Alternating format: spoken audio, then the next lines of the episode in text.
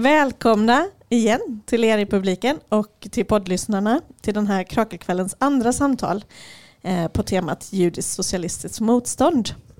Vi eh, fyra som sitter här framme har tillsammans med ett gäng andra, varav eh, några stycken är här, haft en väldigt fin studiecirkel kring boken Revolutionary Jiddishland, A History of Jewish Radicalism.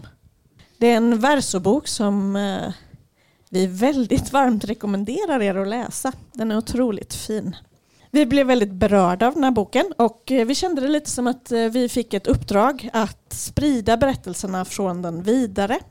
Och eh, det vill vi bland annat göra nu då. Vi som sitter här är jag, Miriam, och så lämnar jag vidare till jag, Annika. Jag heter Nora. Och Ilja. Jag tänkte att vi börjar med att prata om vad den här boken egentligen handlar om. Man kan väl säga att vi har berört en del av de sakerna i det första samtalet, eller det har kommit upp. Men boken kretsar kring tre stycken vänsterrörelser i det judiska eh, Europa då, från 1880-talet ungefär och, framåt. Och eh, det är eh, Bunt som då var en socialistisk icke-sionistisk organisation. Det är eh, Poaleition. Vi har diskuterat det här hela tiden, hur man uttalar detta så lärde Kenneth oss det och så nu har vi glömt det igen. Men det var då en eh, socialistisk sionistisk rörelse. Och sen så den tredje gruppen av följare är egentligen inte en egen organisation utan det är judar som är aktiva i de kommunistiska partierna. Och man kan säga att de här organisationerna skiljer sig åt. Dels i synen på strategi och så lite förhållande till marxism. Men också i hur de förhåller sig till den judiska frågan. Alltså, judar är förföljda och förtryckta. Vad ska vi göra åt det? Och eh, den kommunistiska rörelsen säger på sitt klassiska reduktionistiska sätt att allt löser sig bara vi får kommunism. Så vi behöver inte göra något särskilt åt den här frågan. Men de två andra organisationerna är mer tydligt judiska då. Där den ena säger vi behöver en judisk nationalism. Vi kommer inte att eh, bli omhändertagna i Europa. Vi behöver en egen plats. Och den icke-sionistiska rörelsen säger nej, vi måste slåss för att var vi än bor är vårt hemland. Alltså för en princip om mångfald kan man säga. Och som de kopplar till bredare socialistisk alltså bredare socialistiskt förändringsarbete. Alltså de balanserar liksom socialismens ideal med det partikulära i den judiska befolkningens situation. Och det är Bund då som vi pratar om. Vill ni också berätta lite om vad boken handlar om? Någonting jag vill lägga till är att boken är en, eh, egentligen en samling av vittnesmål och eh, skrevs och det kom ut första utgåvan i 81 eller början på 80-talet och eh, där författarna samlade vittnesmål från då äldre judar som många av dem, eller tror alla nästan, hade hamnat i Israel efter sina livsöden och berättade vad de varit med om, vad de har upplevt. Eh, allt från kriget, spanska inbördeskriget till eh, hur de kämpade för sina ideal inom Bund eller då Pio Och ja, det, blev, det blev väldigt personligt och eh, väldigt inspirerande eh, för mig att läsa om dessa berättelser. Eh, ja, och eh, du pratade ju om det lite med Kenneth också. Att eh, det var liksom hela boken tar avstamp i den eh, ökade pro eh, proletariseringen av judarna och modernismens intåg. Och eh, vilka sprickor liksom som uppstår mellan generationerna då. Alltså jag tänkte på under eh, ditt och Kennets samtal att man skulle vilja fylla på med i den här boken eftersom det är personliga vittnesmål så får man en så himla rik bild av den här platsen Jiddischland liksom, och livet där med liksom en väldigt rik kultur och starka sociala band. Eh, och boken tar ju avstamp i ett väldigt omvälvande skifte som sker på den här platsen eh, med modernismens utbrott så att säga där, alltså, ja, som, som många förmodernistiska samhällen så är det präglat av en tydlig normfasthet och traditionalism och så här, men med en särskild judisk prägel. Liksom. och som exploderar liksom i det nya, i omskapandet av människan och hela livet på något sätt. Och där eh, är också gnistan till det här socialistiska uppvaknandet för många judiska ungdomar framförallt. Och ja.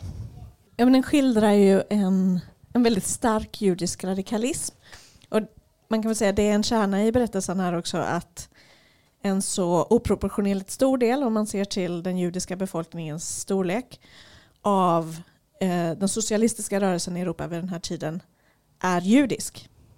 Alltså Bunt är en jättestor organisation, gränsöverskridande organisation som eh, rör sig över hela Jiddischland och, och Tyskland och så. Och det är, det drivs liksom av dels då marxism och det är ju i sin tur en slags respons på de svåra livsförhållanden man lever under i kombination med eh, marxistisk bildning helt enkelt.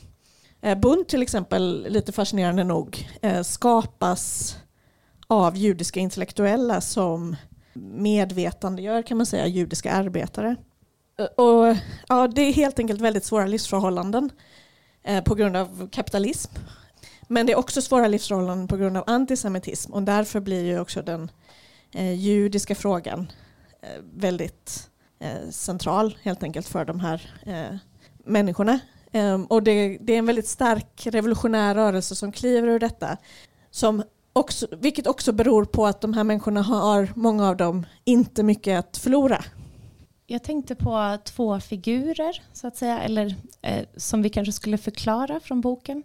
Eh, luftmänniskan tänkte jag på. Som jag, det slog mig idag att det är typ som det tidiga 1900-talets judiska östeuropeiska gigarbetare. Liksom. Alltså, alltså bara som en, eh, för den judiska befolkningen i det här området har en annan socioekonomisk verklighet än många andra, alltså en majoritetssamhället i området. Vill någon fylla på lite mer med... Eh, alltså jag tänker det är väl också sprunget ur det här att de inte, i många fall inte fick lov att äga saker. Mm. Eh, så det här med att vara uppe i luften blev ju på något sätt att det kom ur, ur de materiella förhållandena som de befann sig då. Ja, en liksom väldigt prekär eh, och fattig tillvaro beskrivs ju alltså i, i den här boken. Eh, men också då simultant den här starka bildningstraditionen som traditionellt som jag förstod det var ganska religiöst betonad. Alltså det är många som beskriver de här aktivisterna som intervjuas som har spenderat sina liv som socialistiska militanter beskriver hur de växte upp med föräldrar som var jättefattiga eh, och kanske pappan ägnade stora delar av sin tid åt eh, att studera liksom religiösa texter och diskutera invecklade religiösa problem och så här. Och på något sätt i den här miljön uppstår en särskilt potent radikalism som är både eh, väldigt intellektuell och väldigt militant liksom och radikal på grund av den materiella situationen som de här personerna befinner sig i. Det, är också, det som skildras är också väldigt starka kollektiv. De här organisationerna binder människor väldigt hårt på ett positivt sätt. Så det är också det som gör att de blir så radikala för att eh, de ingår i ett sammanhang, ett kollektiv där man ger allting för varandra och för en väldigt stark tro på att livet måste vara bättre än så här. Både, bättre än, både en frigörelse från kapitalismen och en frigörelse från det rasistiska förtrycket som de lever under. Någonting som jag, som, som jag eh, lärde mig och, och det var fascinerande det du säger Miriam att var det det första strejkfonden eller som vi har, eh, vet om, det var det i, i Vilnius, och det är de judiska eh, samhällena där de startade och det var typ 1870 någonting. Precis som vi var inne på innan också i samtalet med Kenneth så fanns det i, i den judiska världen också en väldigt stark organisationserfarenhet helt enkelt därför att man hade levt som en förtryckt minoritet som hade behövt bygga sin egen infrastruktur. Så det fanns också en kunskap om det som man förde över i socialistisk organisering. Men ska vi beskriva lite vad som händer här, det historiska förloppet, vad som händer med de här organisationerna och människorna som vi möter?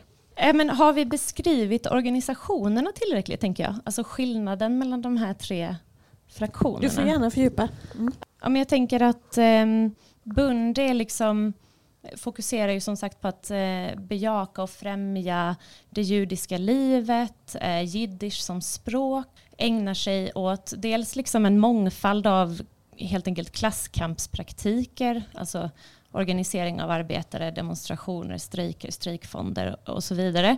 Men också en hel del liksom kulturfrämjande arbete av olika slag. Alltså de utger en mångfald av publikationer för att både radikalisera människor men också stärka jiddisch som språk. Eh, vid någon tidpunkt i deras ganska långa historia så driver de en massa skolor eh, och musik och teater och konst i största allmänhet främjas på olika sätt. Och eh, ja, vi har väl kanske pratat lite om de andra två. Det finns ju en skillnad då i deras eh, syn på både liksom socialismens projekt och den judiska frågan har vi berört. Liksom. Men de eh, har olika metoder och också splittringar sig sinsemellan som också påverkar hur de placeras i de historiska förloppen som de hamnar i och är drivande i på olika sätt. Men jag vet inte riktigt var man ska börja den historien.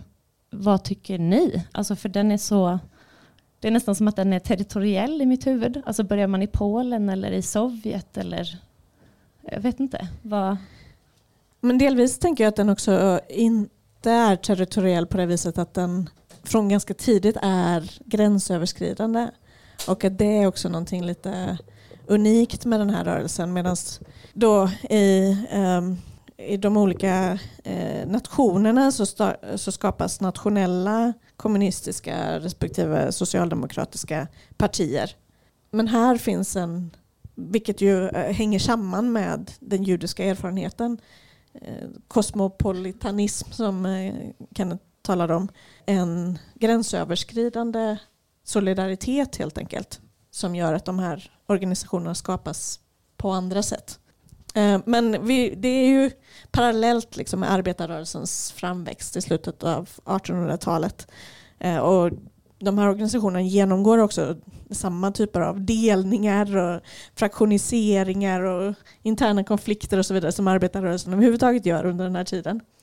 Eh, och de är väldigt bittra fiender när de liksom intervjuas där på 70-talet, 80-talet. Långt efter så är de fortfarande lite bittra på de andra organisationerna. Och, ja, det ligger kanske både i det judiska och det socialistiska. Nej, jag skulle bara säga att det känns som att boken liksom tar oss, liksom, alltså att rörelsen i sig är gränsöverskridande. Men boken tar liksom avstamp i olika platser mer för händelsen. Så den tar oss liksom genom inbördeskriget i Spanien och sen också vidare såklart till förintelsen som eh, Kenneth pratade om. Men en röd tråd är hela tiden genom där att man färdas liksom genom hela Europa trots att man befinner sig i spanska inbördeskriget för att nätverket var liksom överallt och de hade kommunikation hela tiden. På ett otroligt fascinerande sätt.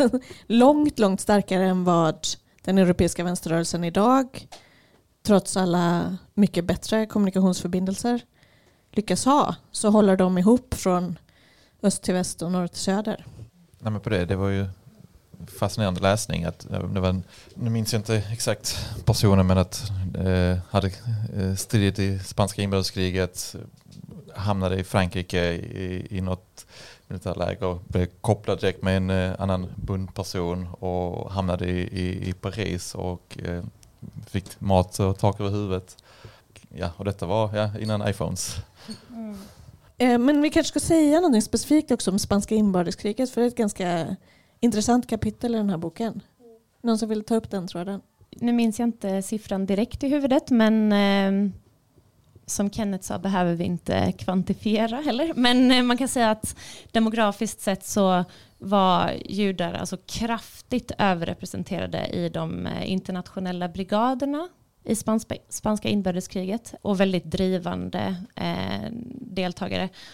Och det var en eh, otroligt avgörande, omvälvande och betydelsefull erfarenhet för många av de här militanterna som alla Alltså för att innan man kommer till det här kapitlet om spanska inbördeskriget så bärs man på något sätt av deras otroligt starka övertygelse om att Eh, historien hänger i balansen, världen öppnar sig på vid gavel, vad som helst är möjligt. Eh, rättvisan och det goda är nära förestående. Vi kämpar med livet som insats hela tiden för det.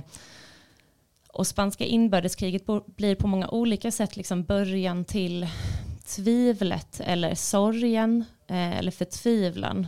Och mm, en annan sak som jag tycker man borde lyfta är, det pratade vi mycket om i cirkeln, liksom varför var det så många judar som deltog i de här striderna? Eh, och så har vi då pratat om specifikt de östeuropeiska judarnas särskilda liksom eh, förmåga att klarsynt se vad det var som stod på spel och vad det var som hände på grund av de hade en väldigt klarsynthet kring fascismen helt enkelt. De tänkte inte det här att nej men det, det löser sig nog eller det är nog okej okay, eller så, utan de hade på grund av sin eh, livserfarenhet och materiella situation förutsättningen att se med största tydlighet vad det var som höll på att hända och hur avgörande den här konflikten var. Och många av dem känner väl att nederlaget var ödesdigert, påverkade hela historiens lopp och också inte var nödvändigt och delvis frambringades av eh, tendenser inom deras egen rörelse.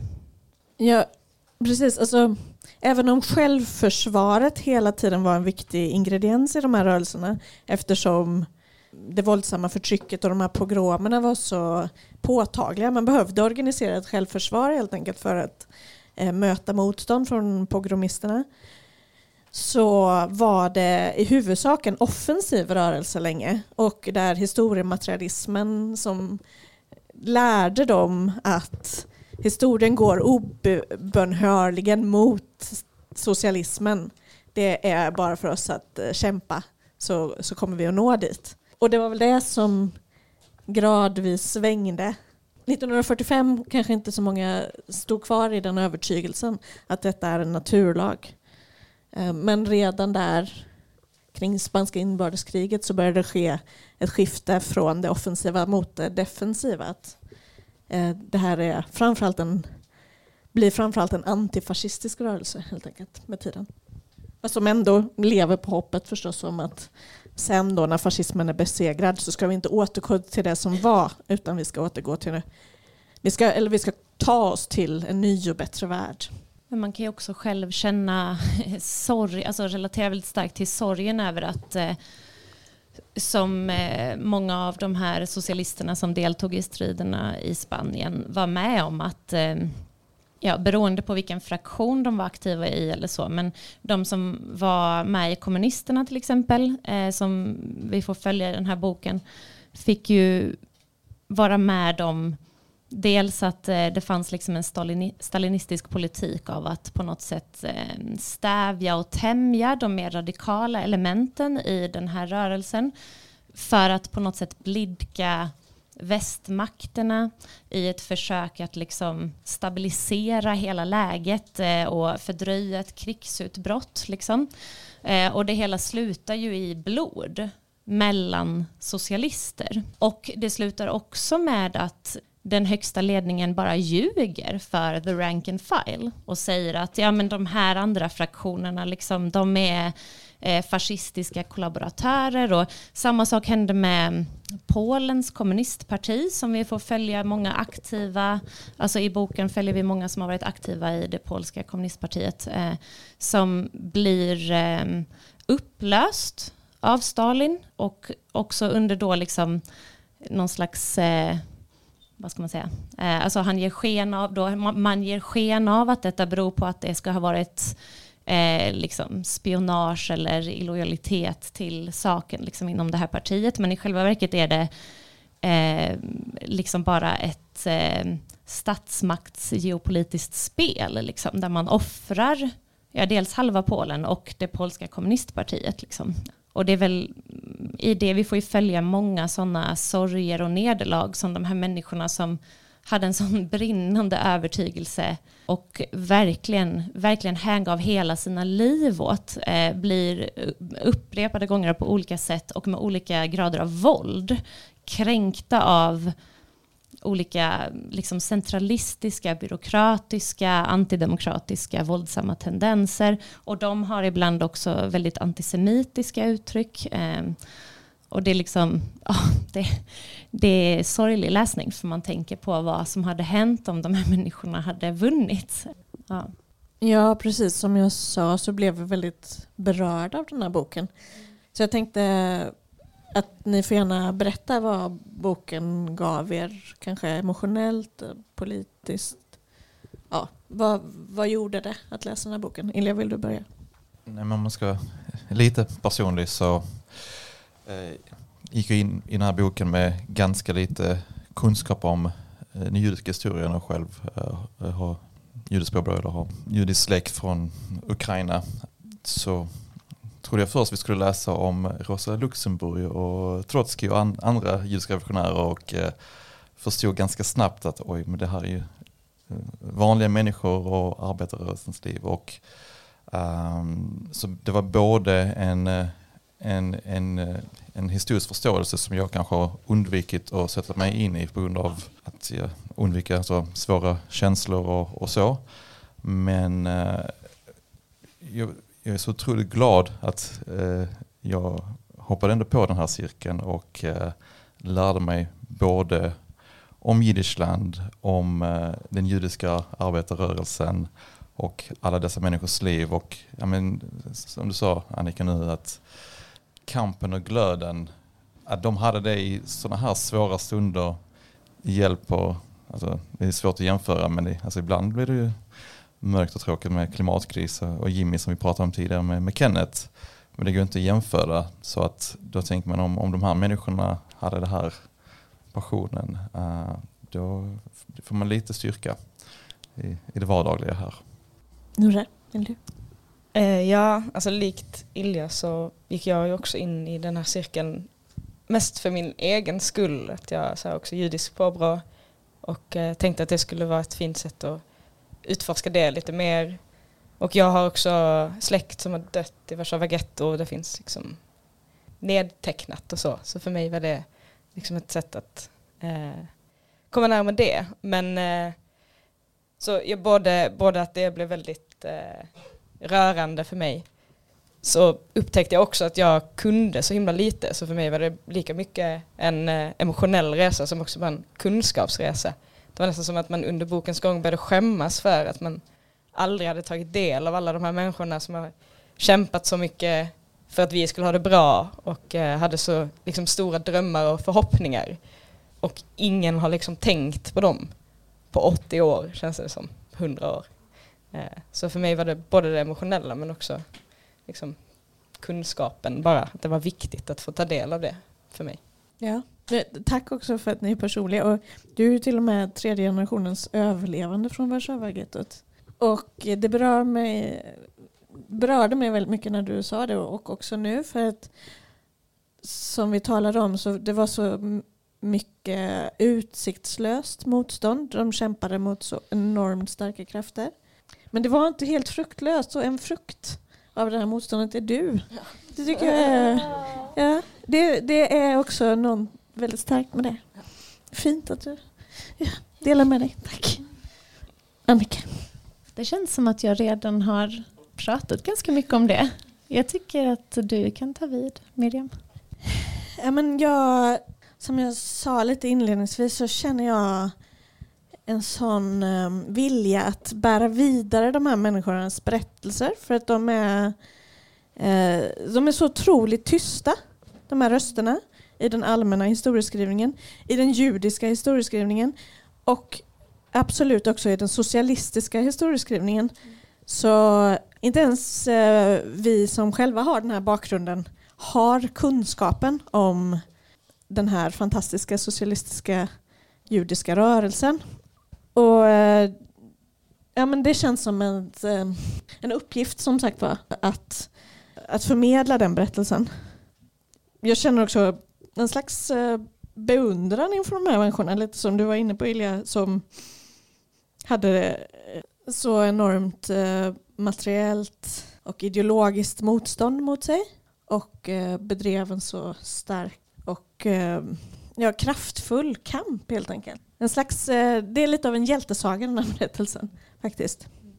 Ja, det känns som att vi väldigt ofta i våra cirklar återkom till den här känslan av eh, nästan av romantisering för att det var så storslaget att läsa om eh, bara allt hopp som fanns och all tro på att kunna göra det bättre och hur de organiserade det och bara aldrig gav upp trots liksom motgång efter motgång. Och sen, och sen så var det som du också pratade om eh, Annika, att det var så förkrossande att läsa, alltså det var liksom sorgligt att sen komma till punkten där det bara faller. Det är som att man, även fast man vet hur det gick, så är det som att man under bokens gång ändå hoppas på att det på något sätt ska ha varit en annorlunda historieskrivning än, än, liksom, än vad man ändå landade. Så det var, det var liksom storslagna känslor genom hela boken tyckte jag.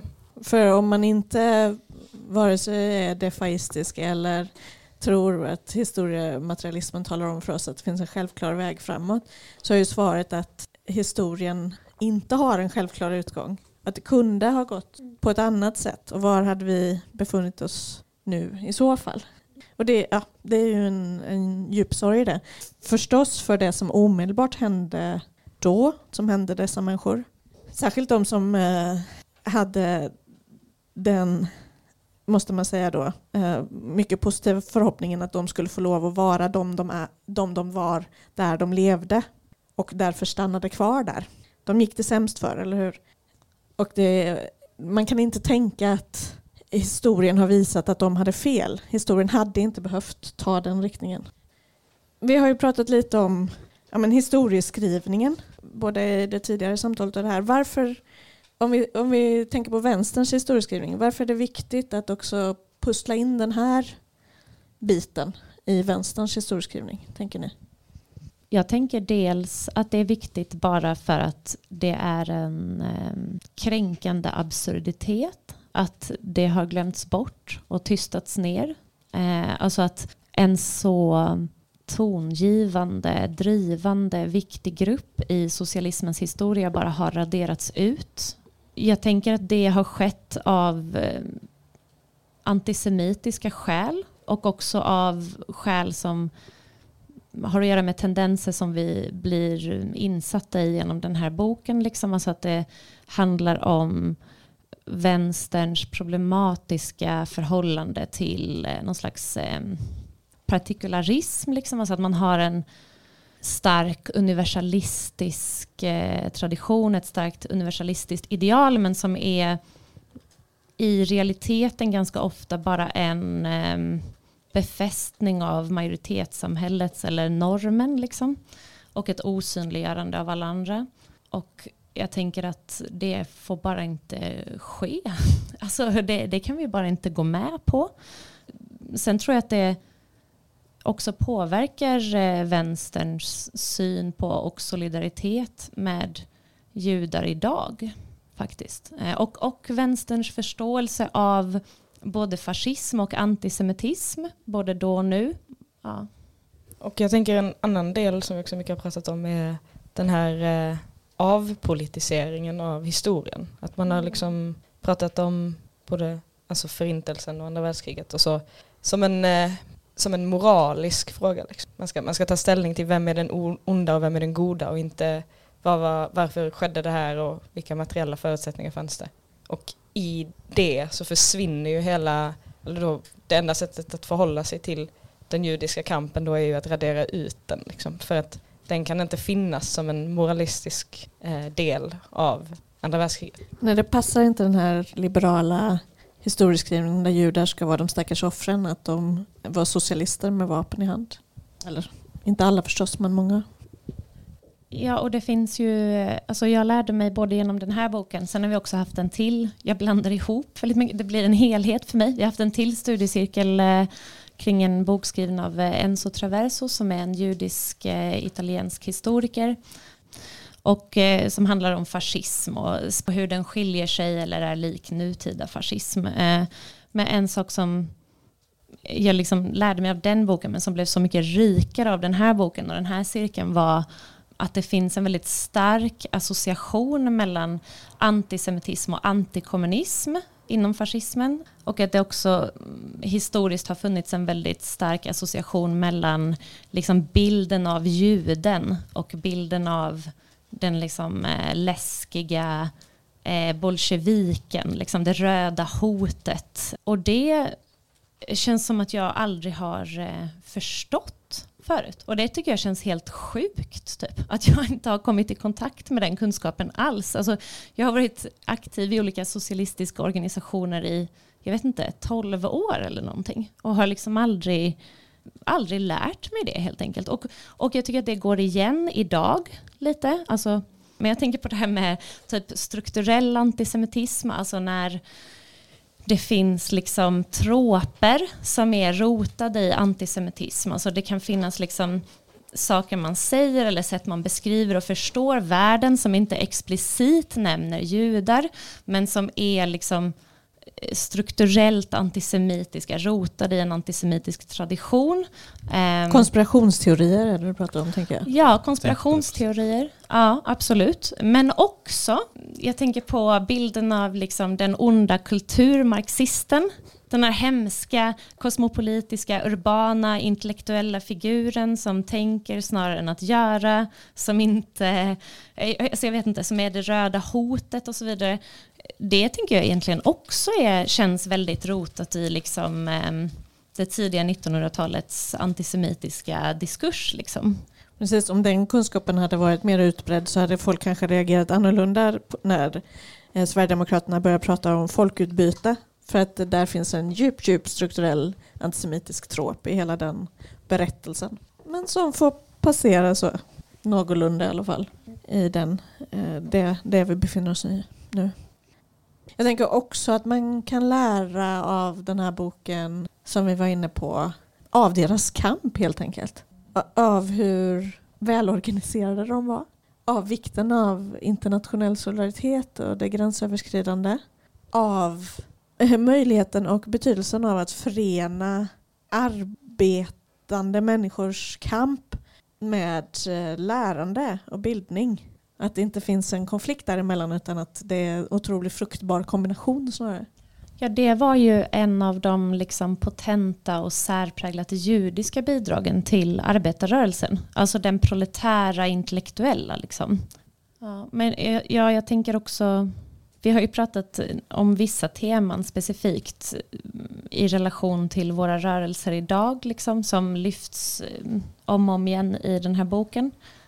Och en av dem är det här med universalism kontra partikularism, det vill säga konflikten mellan att tänka typ ja, men vi ska skapa liksom den socialistiska utopin, den kommer vara till för alla människor, den kommer automatiskt i stort sett att utradera alla dessa eh, ojämlikheter, skillnader som eh, drabbar oss nu. Eh, och någon slags eh, strömning som kan ha många olika iterationer liksom av att säga nej vi måste eh, värna och skydda det, de särskilda intressena hos olika grupper. Ja. Jag, jag tänker, vi har nämnt flera gånger, både förra och detta samtalet, begreppet den judiska frågan. Och det kanske inte är så självklart idag vad den judiska frågan är, men det här var alltså en eh, jättestor fråga, politisk fråga i nationalismen eller i nationalismens födelsetid. Och det handlar om att judar var den främsta eh, minoriteten i Europas nationalstater, alltså den största. Och den judiska frågan handlade helt enkelt om, okej okay, när man ska skapa de här nationerna, vad gör man med alla som inte passar in? Alltså det är en fråga om majoritet kontra minoritet, om eh, mångkultur kan man säga. Om platsen för den som är annorlunda i ett samhälle som ska bygga en demokrati på likhet. Mm. Så både socialister och andra diskuterar då den här judiska frågan. Och det, ja, nazisterna såg det också som, ja men vad ska vi göra? Vi måste utrota dem helt enkelt, är, är lösningen. Men också för socialister var detta ett, ett svårt problem där svaret då från Sovjet och kommunismen och Eh, en del av de här som vi har läst om var att de ska inte utrotas men de ska upplösas i sin annorlundahet. De ska sluta vara judiska. De ska, eh, vi ska ta bort det där annorlunda inslaget för alla ska vara jämlikar. Och som du var inne på innan Annika så innebär ju det en slags eh, istället för att vi är alla lika så alla får vara annorlunda på sitt sätt så krävs det att den som är annorlunda uppgår i normen istället.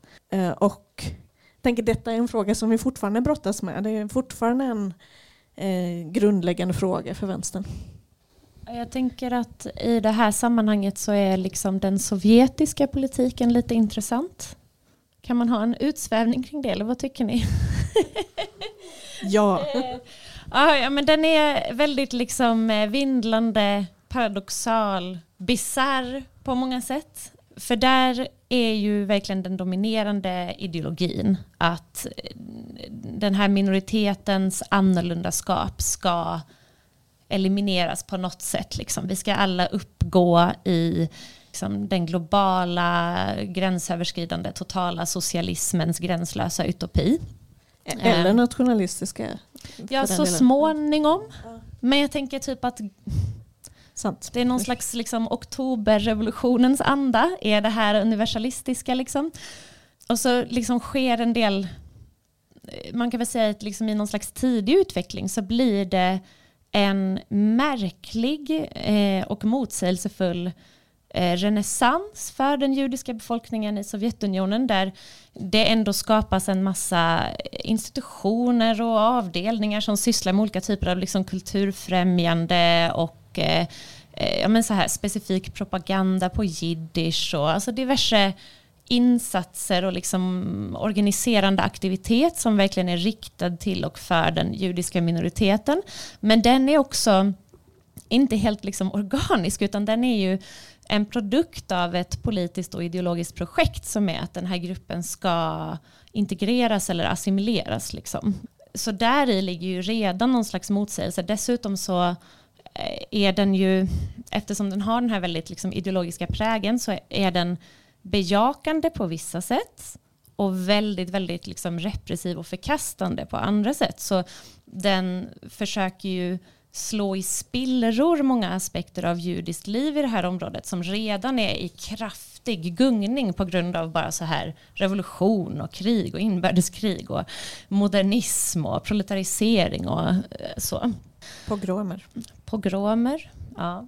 Och det, ja, de angriper ju framförallt då liksom, eh, alltså det religiösa elementet i judiskt liv. Eh, alla former av liksom judisk nationalism är ju fruktansvärt liksom bespottade och förhatliga i den här kontexten.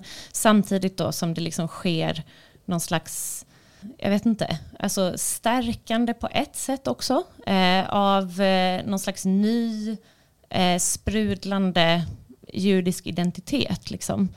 Eh, och man vinner också vissa framgångar vad gäller liksom skydd och rättigheter under den här tiden. Och det, det hela liksom slutar i spillror, eh, alltså i fruktansvärd repression, förföljelse, avrättningar.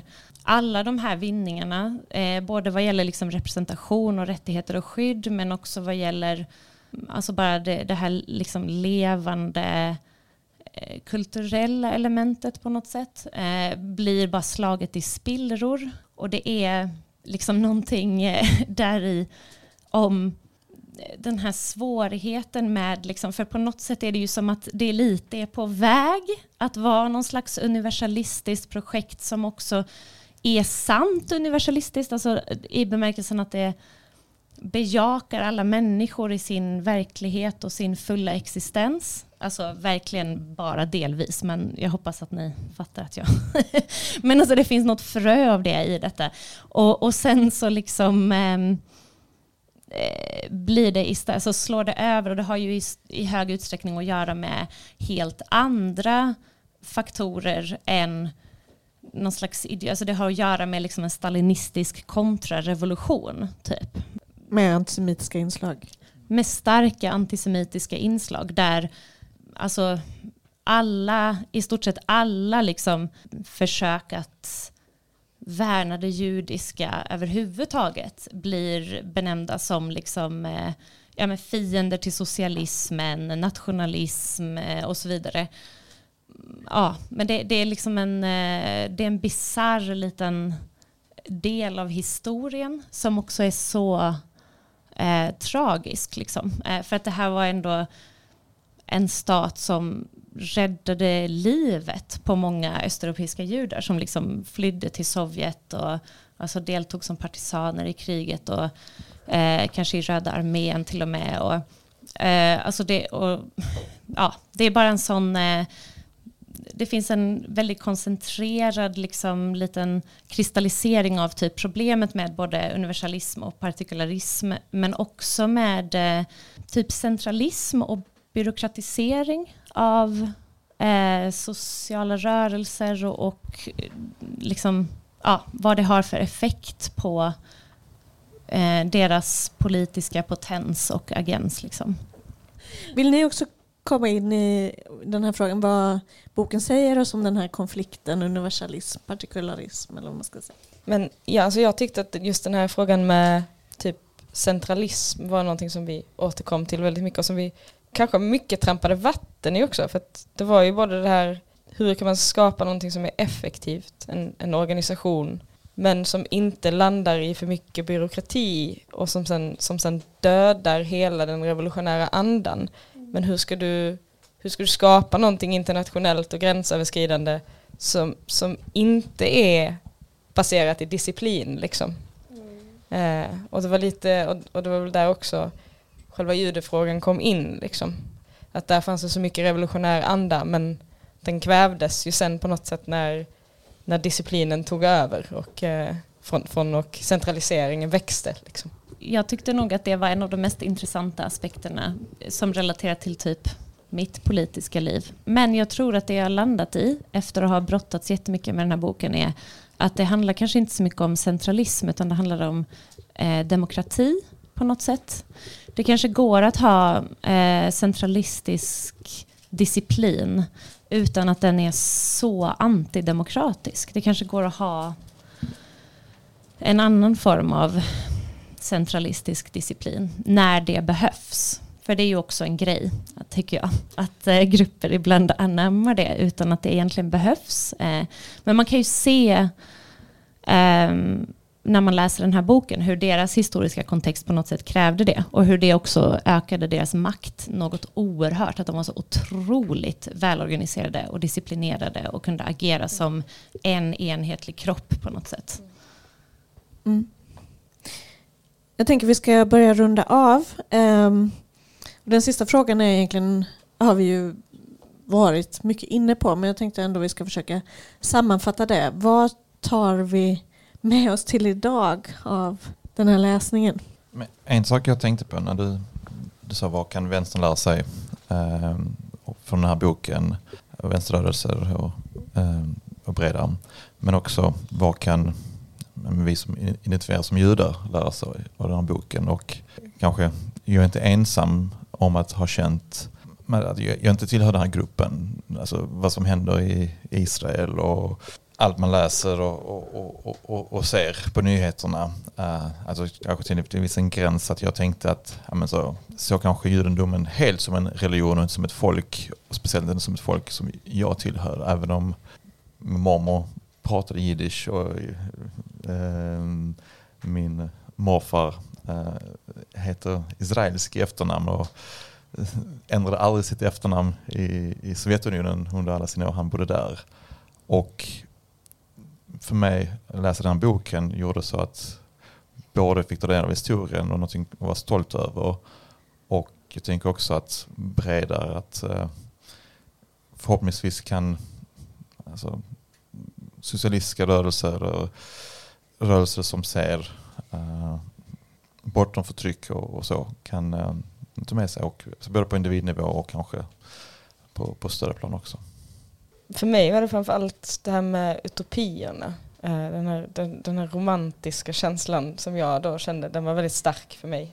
Att jag känner det här hur man ska förhålla sig till utopin och att uppgå i den på något sätt som ja, det, jag, jag tror att det är det som jag tar med mig liksom, från boken. Jag tänkte nämna någonting som du har sagt. det, är inte, det var du som sa det. Men, eh, alltså det här med ehm, för att man får följa så många olika fraktioner där den här underbara utopin dör på olika sätt. Och alla har på något sätt gemensamt att eh, människorna blir redskap för socialismen snarare än tvärtom. Alltså att eh, eh, människorna blir medlen för målet på ett sätt som kränker målets integritet. Eh, och det, ja, det tar jag med mig. Att det får vi inte, det får vi inte låta ske helt enkelt. Och jag tar med mig en, en stor eh, stolthet över vänsterrörelsen. Eh, över eh, de här människorna som jag känner mig besläktad med. Inte bara i egenskap av judisk och socialist utan som människa helt enkelt. Man kommer så nära de här eh, livsberättelserna i boken. Och eh, ja, men den styrka som finns i kampen. Eh, jag tänker att vi är väldigt vana vid att som vänsterrörelse gå kuvade och be om ursäkt för oss själva. Men att eh, ta del av en så kraftfull bit av vår historia gör också att man sträcker lite på sig. Och eh, det finns en, en kraft att hämta i det helt enkelt. Även om eh, den rörelsen drabbades av ett mörkt öde så är det inte självklart. Och det de gjorde ska ändå minnas för, kommas ihåg för det som det var. Och eh, jag känner också en stor glädje över, över att vi har kunnat att det finns ett sammanhang där vi kan läsa den här boken och där vi kan ha den här kvällen. Och där det går att vara både jude och socialist. Så bara det tycker jag känns eh, både starkt och dessvärre ovanligt. Tack till er i panelen och till er som har lyssnat. Tusen tack. Tack.